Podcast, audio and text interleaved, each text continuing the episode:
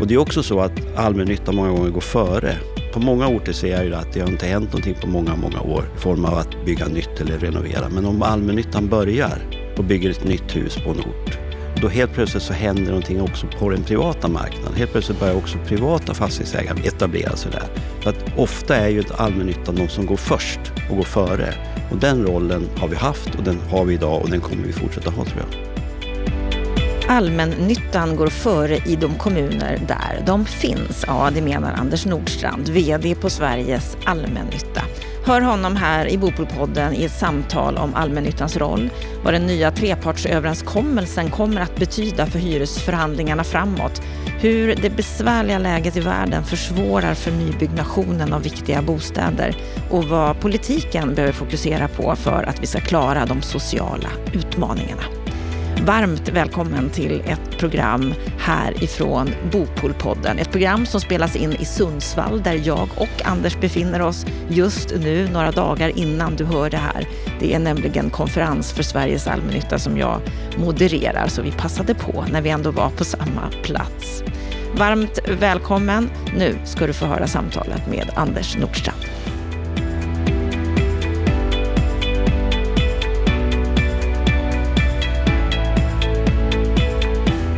Allmännyttan, ja det är ju kommunala bostadsföretag över hela Sverige för att erbjuda goda hyresbostäder för alla. Nästan var sjätte person i Sverige bor i allmännyttan. Och nu ska vi prata om allmännyttans roll och hur läget ser ut idag i den oroliga tid vi lever i och framåt. Varmt välkommen till Bopolpodden, Anders Nordstrand. Tack så mycket. Vad är din sinnesstämning idag? Den är väldigt jag är väldigt glad, för dels så är vi ju i Sundsvall eh, på fastighetsdagarna och det är en fantastisk upplevelse och, och väldigt roligt att få träffa så många medarbetare i allmännyttan. Och det här är ju en del av allmännyttans själ i nätverkandet. Att få träffas, utbyta erfarenheter, kunskaper. Och det var så häftigt måste jag säga att få träffa alla de här igår. För man upplevde ju också att man har, man har ju saknat att få ses och träffas och prata med varandra. Så att jag är väldigt god stämning just nu. Och jag då som har förmånen att få moderera era fastighetsdagar har också en väldigt god stämning just nu. Det är väldigt trevligt att vara uppe i Sundsvall också, en stad som verkligen växer och där det händer otroligt mycket. Du Anders, du är ju då VD på Allmännyttan sedan 2016. Tidigare så var du VD på Mimer i Västerås. Du har också varit VD på Mikasa, uppväxt i Bollnäs. Gillar bandy, gå på alla Hammarby fotbolls och alla Hammarby bandys hemmamatcher. Varför denna kärlek till bandy? Ja, det är någonting jag har med mig från när jag var barn. Eh, jag började gå när jag var tio år. Det finns något speciellt i, i bandy. Det är eh, fortfarande något av en amatörsport kan man säga. Och det är ju eh, alla som går där har någon, det finns någon själ i det där. Det finns något extra i det där.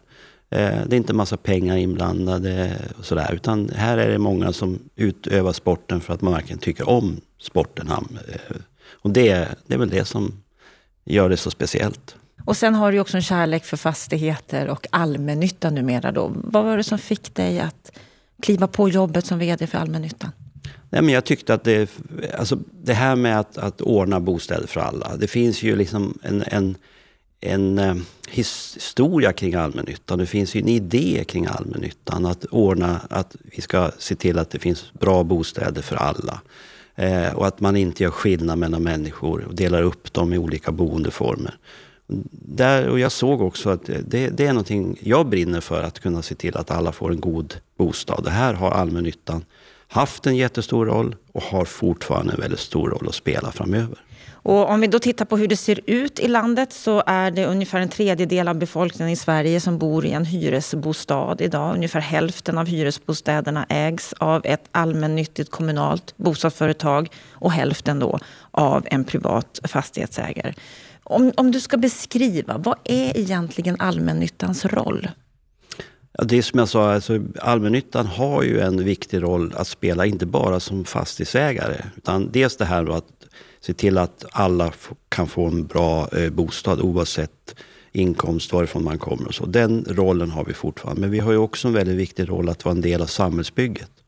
Alltså, och jag har betonat det väldigt många gånger att vi är en samhällsbyggare. Vi ordnar bra boendemiljöer, vi är viktiga för barns uppväxt, vi är viktiga för äldres eh, liv. Man eh, är på sin ålders höst, så att säga.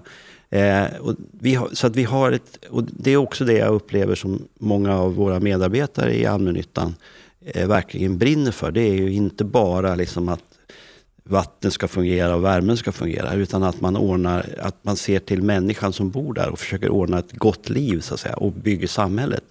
Och det är också så att allmännyttan många gånger går före. Så på många orter ser jag ju att det har inte hänt någonting på många, många år i form av att bygga nytt eller renovera. Men om allmännyttan börjar och bygger ett nytt hus på en ort, ja då, då, då, helt plötsligt så händer någonting också på den privata marknaden. Helt plötsligt börjar också privata fastighetsägare börja bygga där eller e- etablera sig där. Så att ofta är ju allmännyttan de som går först och går före. Och den rollen har vi haft och den har vi idag och den kommer vi fortsätta ha tror jag. Klarar ni av det här uppdraget då att ge bostäder till alla? Alltså utifrån de förutsättningar vi har idag, eh, och det kan vi komma till, för vi behöver ju, ska vi klara av det här uppdraget så som vi verkligen vill göra det, då behöver vi också andra förutsättningar. Och då handlar det ju till exempel om att, att eh, se till att vi får skattemässigt jämlika villkor mellan det ägda boendet och det hyrda boendet. Och då skulle ju vi få helt andra förutsättningar att kunna jobba. Det här handlar om låg moms på hyran till exempel, som man kan möjlighet att införa. Ta bort LOU skulle det innebära också att vi kan sänka våra kostnader. Men framförallt att få att vi har, det är samma skattemässiga villkor mellan det ägda och hyrda. Det skulle innebära mycket. Ja, vi ska komma tillbaka till den frågan. Jag skulle först bara vilja fråga dig. Jag läste en artikel i, i DI härom eh, veckan, 20 april var det. Där säger professor Bo Bengtsson att internationella spekulationsbolag har tagit över fastigheter i miljonprogramsområden. De renoverar och höjer hyrorna kraftigt och det är en tendens som bidrar till utarmningen av allmännyttan. Hur kommenterar du det? Ja, alltså det där är också en effekt av det skattesystem vi har idag, skatteskillnaden mellan det här. Eh, och det är också eh, ibland en, en, en, fråga om det hyressättning, så, så, som vi jobbar med hyrorna. Och det här, här har vi en överenskommelse mellan treparten idag. Och det tror jag också kommer att eh, förändra en del av, av det här arbetet. Men jag, se, jag ser ju, dels är det de här eh, privata bolagen är också medlemmar av Sveriges allmännytta idag. Och jag ser ju också att Eh, eh, vi, eh, kan säga, vi, vi, vi är bra för varandra så att säga. Va? Och jag tror också att vi från de kommunala bolagens sida påverkar de privata bolagen att också ta ett större och större socialt ansvar. Och jag ser positivt på att vi får en att hyresrätten som sådan, inte bara att vi, att vi inte gör så stor, lika så stor skillnad mellan de privata och de offentligt ägda, utan att hyresrätten som är väldigt stor. Det är nästan två miljoner hyresrätter.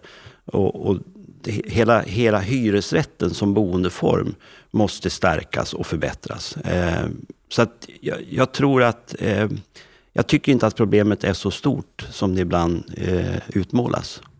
Men du förespråkar då lägre moms på, på hyran. Här är det ju någonting som, som Finansdepartementet bromsar kan man säga. Statskassan blir förlorare på det. Ja, eh, eh, det kommer det naturligtvis kosta. Men å andra sidan så har man ju haft ett investeringsstöd som också har kostat. Och inför man moms på hyran så, så kan man... Det är ett bättre och mer långsiktigt system eh, än att ha investeringsstöd vid vissa tidpunkter som oftast är lätt att, att, eh, att, att ta bort. Eh, eh, och det här är ju också, utjämnar ju också skillnaden mellan det ägda och det hyrda boendet på, på, ett helt annat sätt än vad investeringsstödet gör. Så att, eh, och det är klart att i en tid där, där eh, i den tid vi har nu, eh, just, just nu när det är mycket extra, man ser nya utgifter komma så att säga med tanke på, på försvaret och så vidare. Så är det klart att det här kommer bli en en knepig fråga eh, för oss. Men vi kommer fortsätta jobba för att få igenom förändringar så att det blir mer jämlika villkor mellan ägda och hyrda. Bara moms på hyran är en. Vad är det mer ni vill göra för att klara av det här? Ja, det finns andra delar. Dels skattefria underhållsfonder skulle kunna vara en del av det här. Vi vet att ta bort LOU innebär också lägre kostnader. Vi kan vara mer affärsmässiga, jobba mer långsiktigt. Så det finns flera delar i, i, ett, i ett paket. Men det, det, det viktiga tycker jag ändå är att staten och samhället inte ska göra skattemässiga, ha skattemässiga skillnader mellan det ägda och det hyrda. Det är, vi, vi som eh, eh, vi som bor i Sverige, vi ska kunna välja den boendeform som passar oss just för tillfället utan att, eh, så att säga, staten har gjort skillnader på, på boendeformerna. Du nämner ju det här bland annat då att ni som allmännytta ska slippa LOU, lagen om offentlig upphandling. Och det här var ju någonting som bland annat togs upp i den sociala bostadsutredningen som Karolina Skog presenterade för några veckor sedan. Alltså en lagändring för att allmännyttan ska kunna bygga och renovera bostäder till en lägre kostnad. Vad säger du om det förslaget som hon har lagt? Eh, just den delen tycker jag är bra. Alltså att vi ska, för det är ju så att när allbolagen kom till 2011 så var det för att man skulle ha eh, likvärdiga villkor mellan de privata eh, hyresfastighetsägarna eh, och de offentliga fastighetsägarna. Eh, och nu kan vi se att eh, nu är det ju de offentliga fastighetsägarna som har en, en eh, eh som har en nackdel 2011 när allbolagen kom till så var det ju för att jag har samma villkor, eh, konkurrensmässiga villkor mellan det privata och de offentligt ägda bostadsföretagen. Idag är det ju så att Eh, de privata har en fördel genom att de inte har LOU. De kan alltså bygga billigare, de kan göra eh, affärer på ett mer långsiktigt sätt och på det sättet få en lägre, lägre kostnader än vad de offentligt ägda kan få. Och det, de utredningar som vi har gjort och som har, även statliga utredningar har kommit fram till att det är ungefär 8-10% dyrare att bygga med LOU. Eh, och det beror ju på den överklagansmöjligheten som finns. Eh, det kan vara ett och två års för, eh, fördröjningar i vissa projekt, vilket gör att det blir dyrare.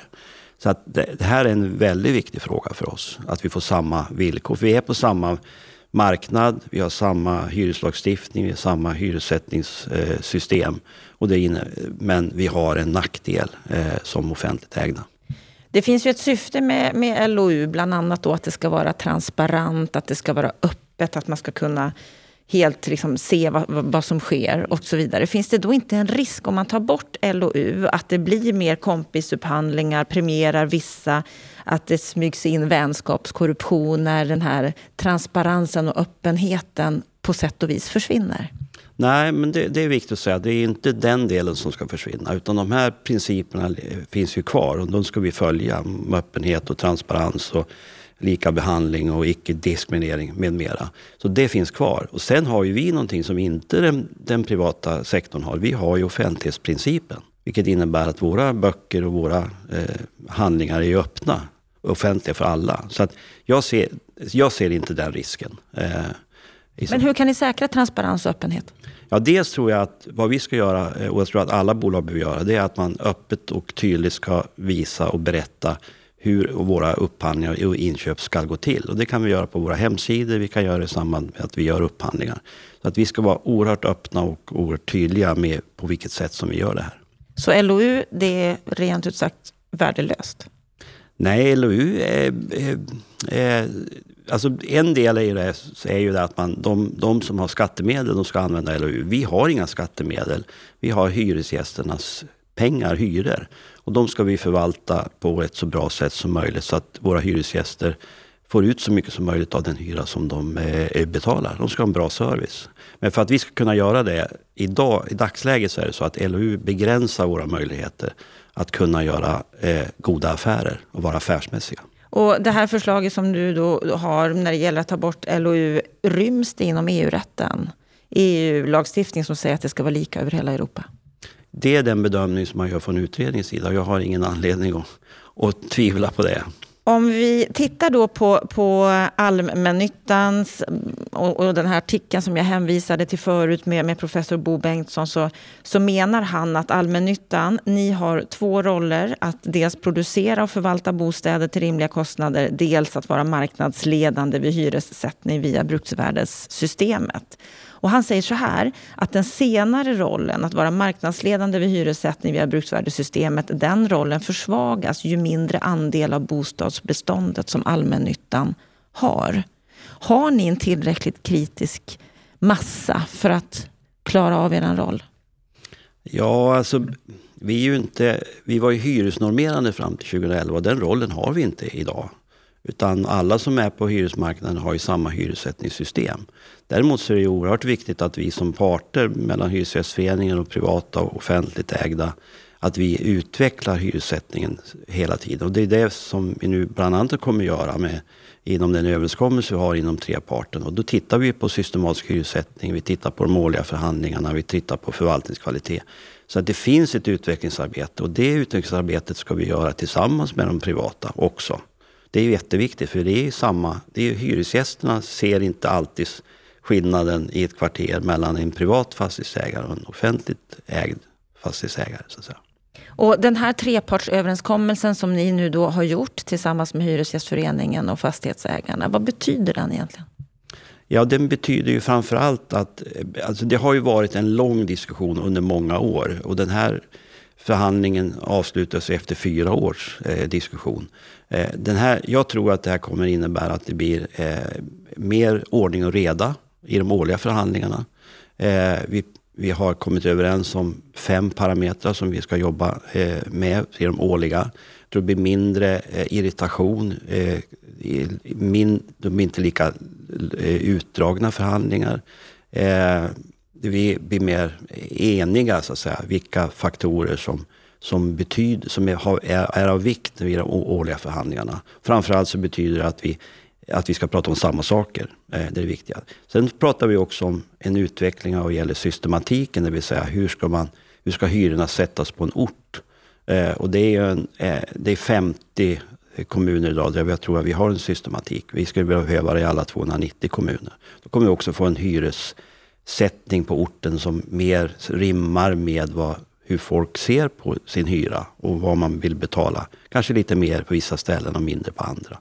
Vi får också en, eh, en, en mer relation till eh, vad man som hyresgäst eh, eh, bedömer från, som är viktigt i sin relation med hyresvärden. Det vill säga vilken service man får, hur väl underhållna lägenheter man får, hur kundtjänst fungerar. Hela den här förvalt kvaliteten i sin förvaltning kommer också långsiktigt bli bättre och bättre. Och de som är goda värdar och bra värdar kommer få mer ska säga, mer betalt för det. Och de som är sämre värda kommer få en lägre hyresnivå.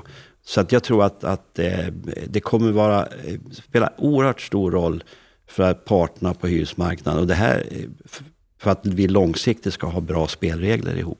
Jag får jättemånga frågor när jag hör dig berätta här. Och om vi ska bara bena ut lite grann. Du berättade att det har tagit fyra år mm. för er tre parter att komma överens om det här. Varför har det varit så svårt att komma överens?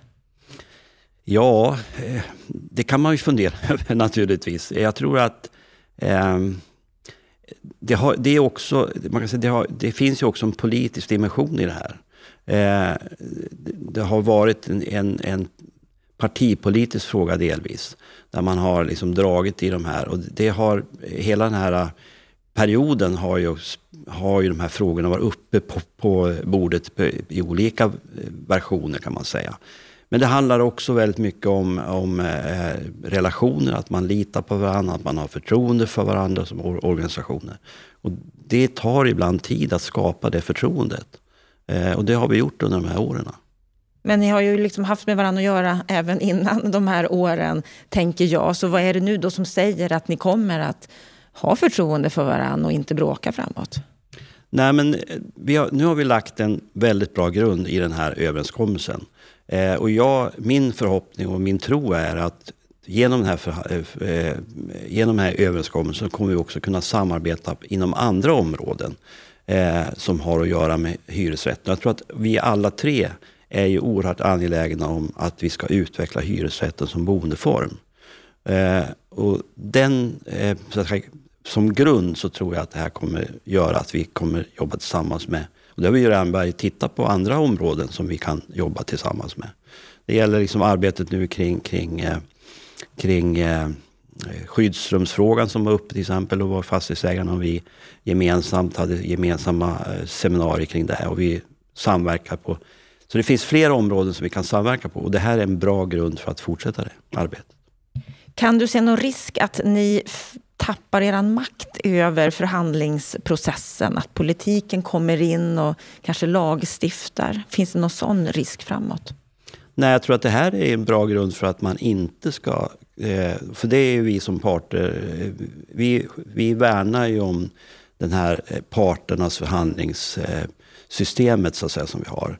Och den här överenskommelsen innebär ju att vi nu då har gjort den här parternas förhandlingssystem ännu fastare så att säga, kring att det är vi som parter som hanterar det.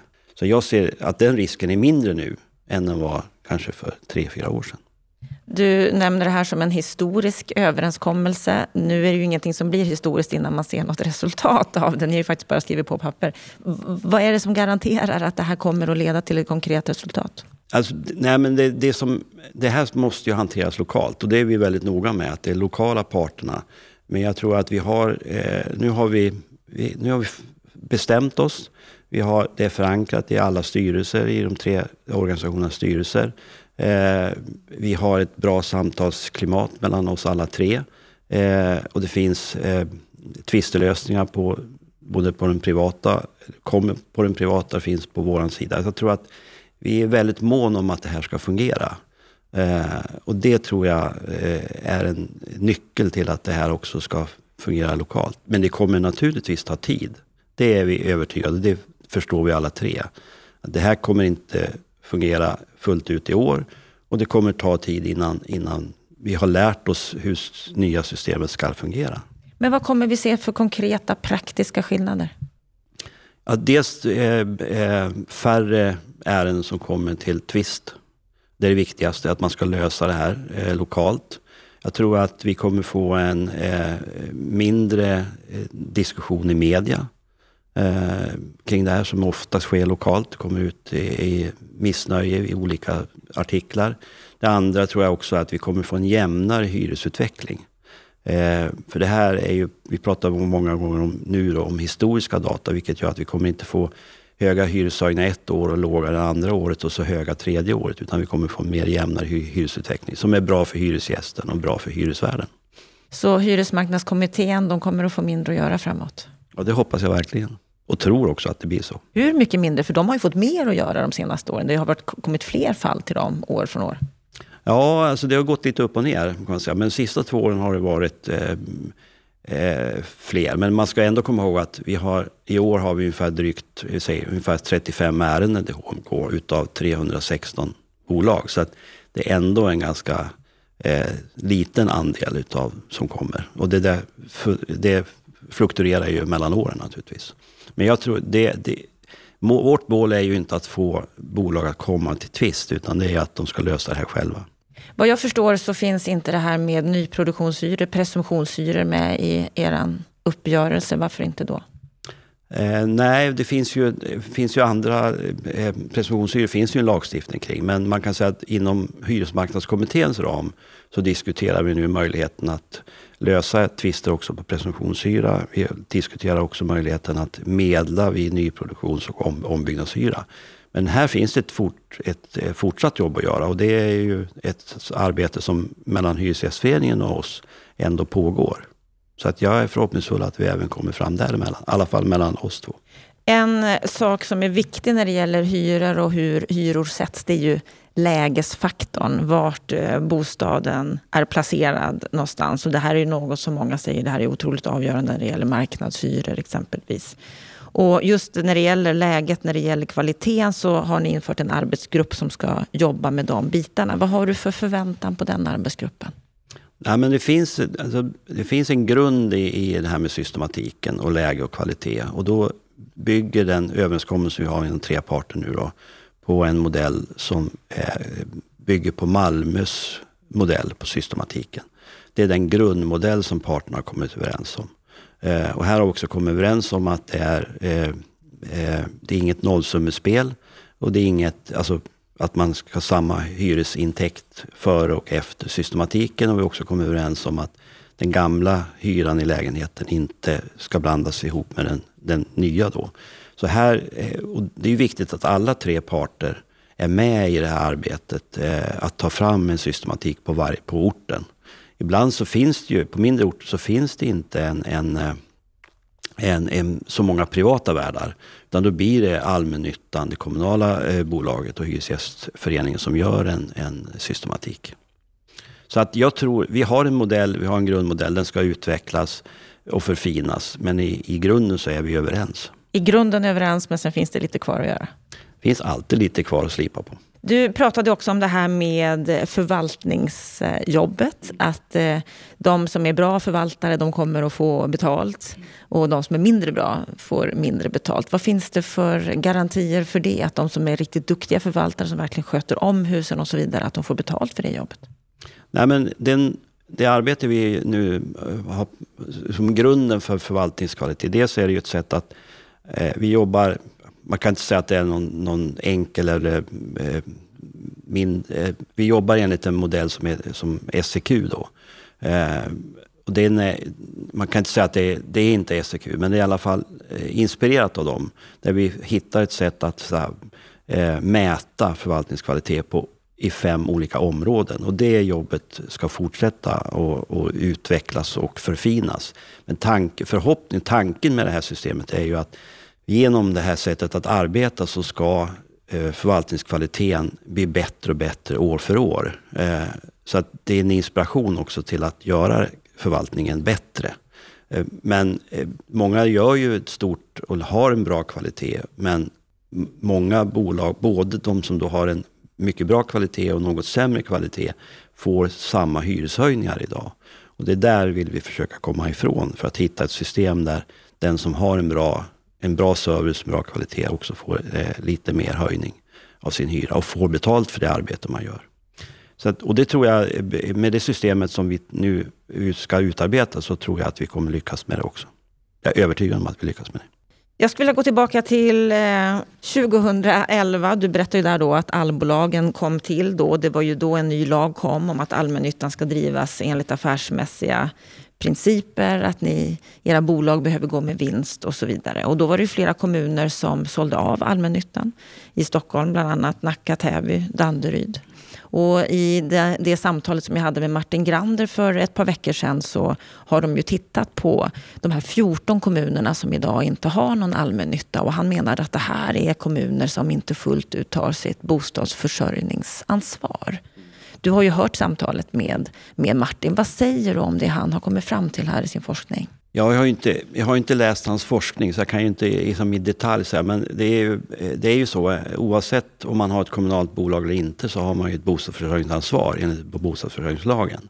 Eh, och, eh, eh, så att man måste ändå hitta former för det här. Och i vissa delar så finns det ju privata hyresbostadsföretag, eh, eh, privata då, eh, som jag ser det många gånger, tar ett, ett, stort ansvar. Men naturligtvis jobbar man inte lika nära eh, kommunen eftersom våra kommunala bolag har ju kommunen som ägare och jobbar väldigt nära.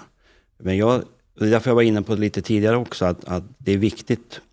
Jag ser det på de eh, privata eh, hyresfastighetsägare som är med, med, medlem hos oss, att man, man gör väldigt mycket på det sociala området. Och därför tror jag det är viktigt att vi som både privata och kommunala, att vi jobbar, eh, jobbar tillsammans. Men det är ändå kommunen som har bostadsförsörjningsansvaret. Eh, och eh, ja, eh, precis som eh, ni var inne på i samtal med Martin Grander så tror jag att det kommunala självstyret är oerhört viktigt och det, jag tror inte det, det är möjligt att på något sätt tvinga dem till att skaffa ett kommunalt eh, eh bo, bo, bo, bolag. utan det där är någonting som Eh, respektive kommun måste bestämma själv. Men vi har ju sett också i samband med, med flyktingsituationen 2015-2016 att de kommuner som hade ett eget bolag hanterade den situationen bättre. Så är det.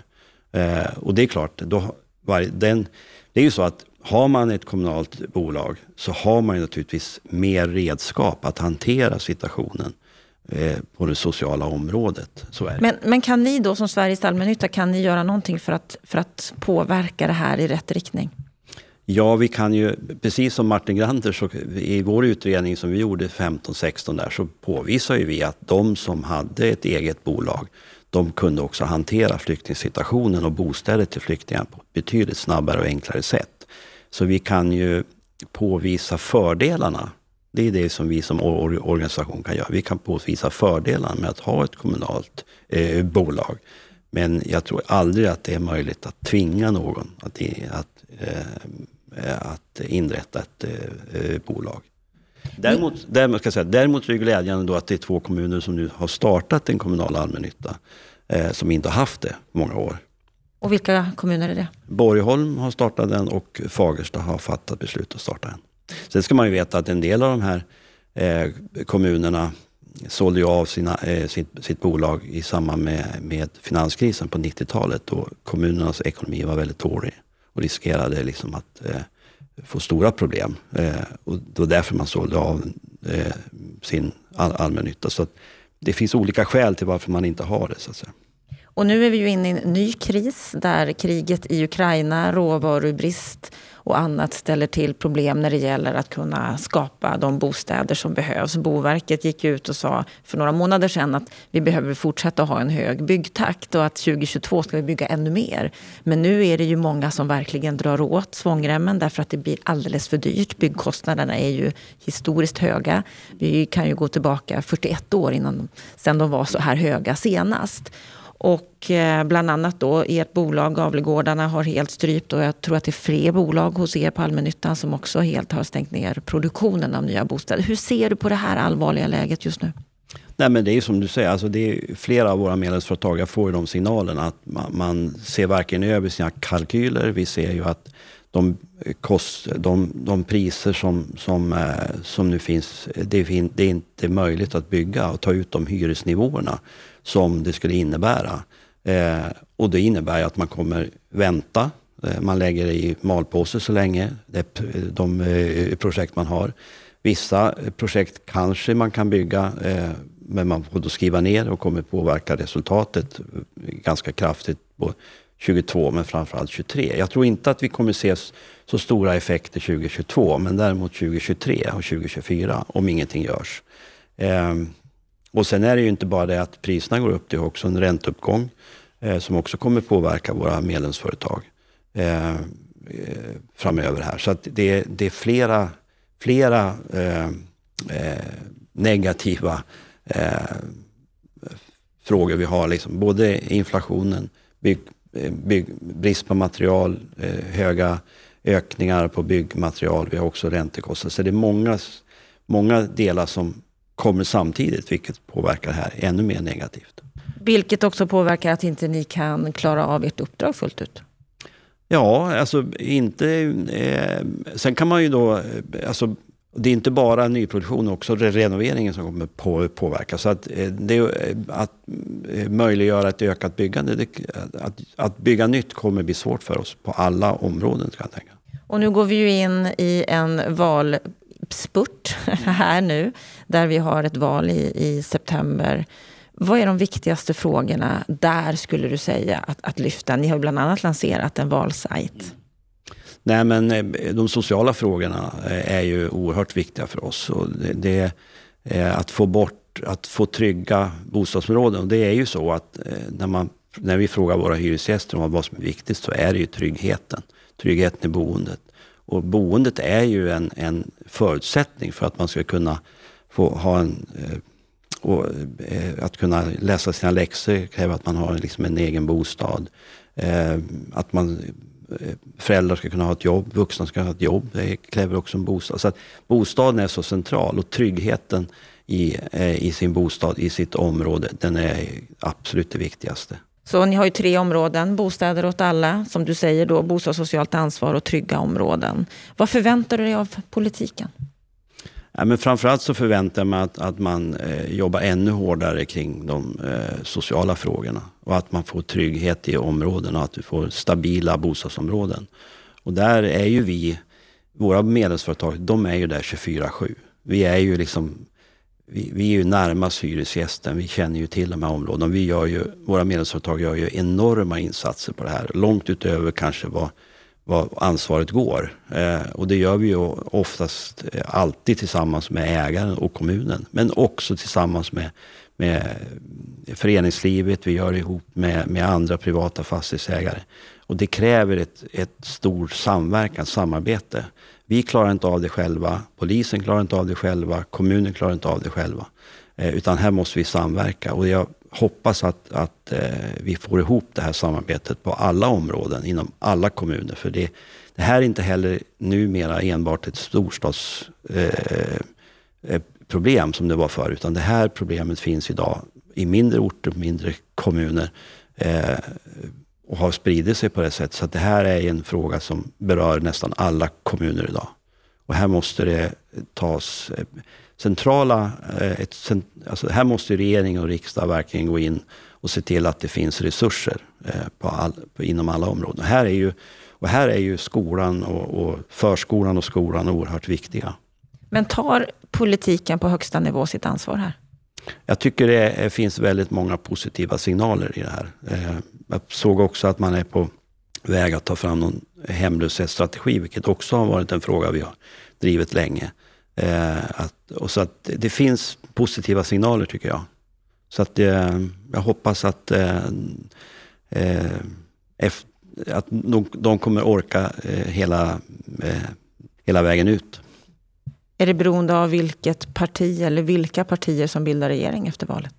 Nej, jag tror att alla partier inser att det här, det här är en så viktig fråga så att det här måste, oavsett vilken regering det blir, så måste det ju hända saker på det här området. Vi får hoppas att du har rätt där. Stort tack för att jag fick samtala med dig här i Sundsvall för Bopolpodden. Tack Anders. Tack så mycket.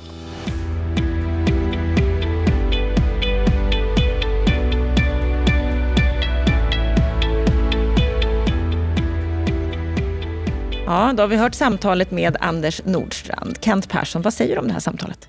Nej, men först och främst kan man ju konstatera att allmännyttan är viktig och har i många delar gått före. Det som har skett tycker jag de sista fem sex åren det är också att de privata bolagen, ett helt, en hel rad stora företag, också har utvecklats i samma riktning. Tar större socialt ansvar, är mer engagerade i, i samhällsdebatten generellt, är med och bidrar till samhällsnytta på, på ett mycket större sätt än vad vi såg för 10-15 år sedan. Det här gör att konkurrensen gentemot eh, allmännyttan som sådan blir ju lite starkare och det tror jag är bra. Så att det som Nordstrand pratar om kring allmännyttans specifika roll att, att ha tagit samhällsansvar bakåt i tiden och historiskt, ja det är sant och stämmer. Det som blir spännande nu framåt är hur orkar de med att också utvecklas i den takten som vi privata gör? För att nu måste även allmännyttan steppa upp. Så det han borde prata lite mer om, det är liksom nästa steg. Hur ska Sveriges allmännytta kunna bli ett ännu mer eh, liksom aktivt bolag i de här samhällsfrågorna? Eh, och där tycker jag att det finns det mer att önska. Kan det här betyda att om de inte då skärper till sig och tänker lite mer framåt, att de faktiskt utarmas lite och förlorar en del av sin roll? Jag tror att de kommer ha en fortsatt stor roll. Nu ser vi ju på eh, hyresrättsmarknaden att ungefär 50 procent eh, av bostäderna äger allmännyttan, 50 procent av det privata. Min gissning är att de kommande åren kommer de privata att öka sin andel och bli ännu större och ta ett större samhällsansvar. Så det gör nu att nu måste också allmännyttan bjuda upp till dans för att hänga med. Och jag tycker att egentligen så borde det inte råda konkurrens mellan Sveriges allmännytta och de privata bolagen. Vi borde komplettera varandra och hjälpa varandra med kunskapsöverföring. För att egentligen har vi samma målsättning. Det vill säga ha bra bostäder, ta hand om hyresrätterna och vara med och bidra till samhällsnyttan. Så det är ett gemensamt mål. Sen arbetar vi på lite olika sätt. Vi hade ett samtal med Martin Grander här för ett par veckor sedan som ju också Anders Nordstrand kommenterade här.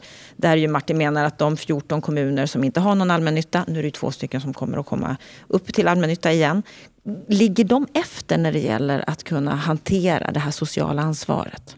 De har valt andra lösningar, så jag tror inte man ska överdramatisera just det. Vi har däremot andra orter där allmännyttan är alldeles för dominerande. Och där tycker jag vi också kan se problem att man tar inte tillräckligt stort ansvar. Det blir för ensidigt att kommunen och det kommunala bostadsbolaget ska göra allt. Och då står det lite still. Så att jag skulle snarare säga det att vi skulle behöva ha mer konkurrens från de privata bolagen, bostadsbolagen, i fler kommuner som också gör att även allmännyttan måste utveckla sig. En stor del av det här samtalet handlade om den nya trepartsöverenskommelsen som alltså har tagit fyra år att komma fram till. Väldigt många möten, väldigt många långa möten. Vad säger du om det de har kommit fram till här? Det har tagit väldigt lång tid och det är klart att man hade nog önskat sig från, från fler att det hade kommit lite längre. Nu har man kommit på den vägen man har gjort. Eh, väldigt mycket av detta handlar nu också om att eh, tillämpa det i förhandlingsrummet. Och det är precis som Nordstrand säger, det här är ju lokala förhandlingar. De har satt upp ett antal kriterier som förhandlingen bör ta hänsyn till. Och jag hoppas att det där böret blir lite skarpare än ett bör. För att annars kommer vi inte att komma någonstans. Så att nu är det faktiskt upp till, ja ett bra ramverk som de tre har kommit överens om. Det saknas flera delar som jag tycker borde ha varit med. Men kring det här ramverket så blir det nu upp till bevis i höst när man sätter sig och förhandlar. Är detta en historisk överenskommelse eller inte? Ja, det visar sig i höst när man börjar förhandla. Kommer man till resultat, bra. Då är det bra för hyresgästerna och bra för bostadsbolagen oavsett vem som äger det.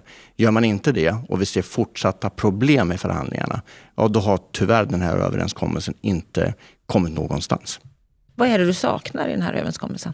Ja, men det kunde vara lite skarpare att, att eh, bör är ganska svagt och det säger också alla tre organisationerna. Nu är det upp till de lokala förhandlingarna att, att eh, ta med sig det här. Jag tycker att man ska ta med sig det här och förhålla sig till det. Vi vet att vi har kostnadsökningar både när det gäller kommunala avgifter, vi vet att vi har räntehöjningar, vi vet att inflationen är på väg att, att öka. Så att det är rätt mycket som tyder på att vi måste ha högre hyreshöjningar de kommande åren. Sen är det såklart att det jag saknar, det är ju att man inte har nått fram när det gäller kvalitet och läge. Jag saknar också att man inte har fått med sig eh, diskussionen kring nyproduktion. Och för den som inte är helt insatt, vad är det som gör att det är så svårt att komma överens om alla de här sakerna?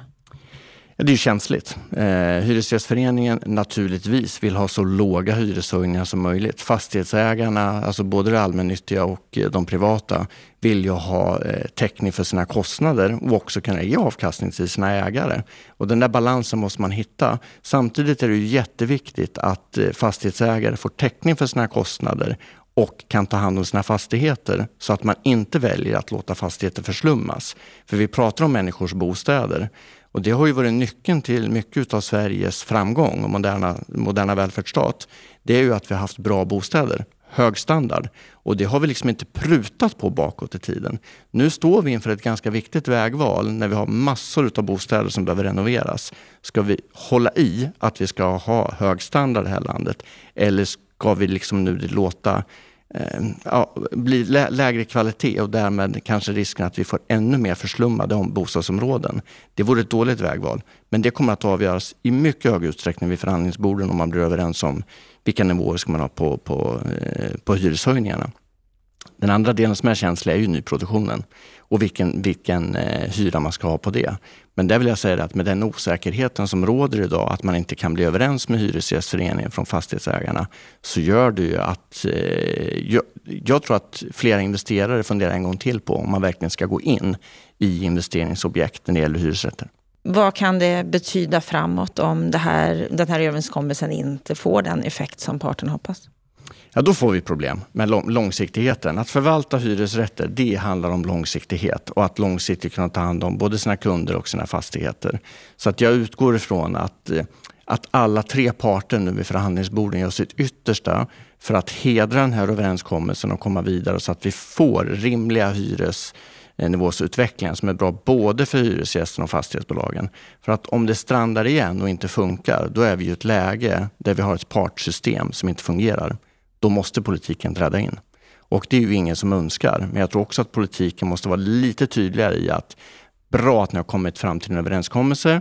Vi förväntar oss de kommande fyra, år, fyra åren att ni också tar in läge och kvalitet. Att ni också säkerställer att det finns en, en form för hur vi ska förhandla på nyproduktionen och på befintligt bestånd. Klarar ni inte det, då tycker jag faktiskt politiken ska tala om att då får vi gå in med lagstiftning. Mm. Vad som händer här, det får vi följa och se om vi ska tro Anders Nordstrand, ja, då kommer ju tvisterna att minska betydligt framåt när det gäller hyresförhandlingarna. Det var det som vi hade ifrån Bopolpodden för den här måndagen. Är det så att du är nyfiken på vad som händer under veckan, ja då ska du naturligtvis lyssna in fredagens program, för då är vi tillbaka med veckans Aktuellt som vanligt. Fram till dess så önskar jag dig en trevlig vecka och glöm inte bort att gå in på bostadspolitik.se och läsa mer. Må så gott!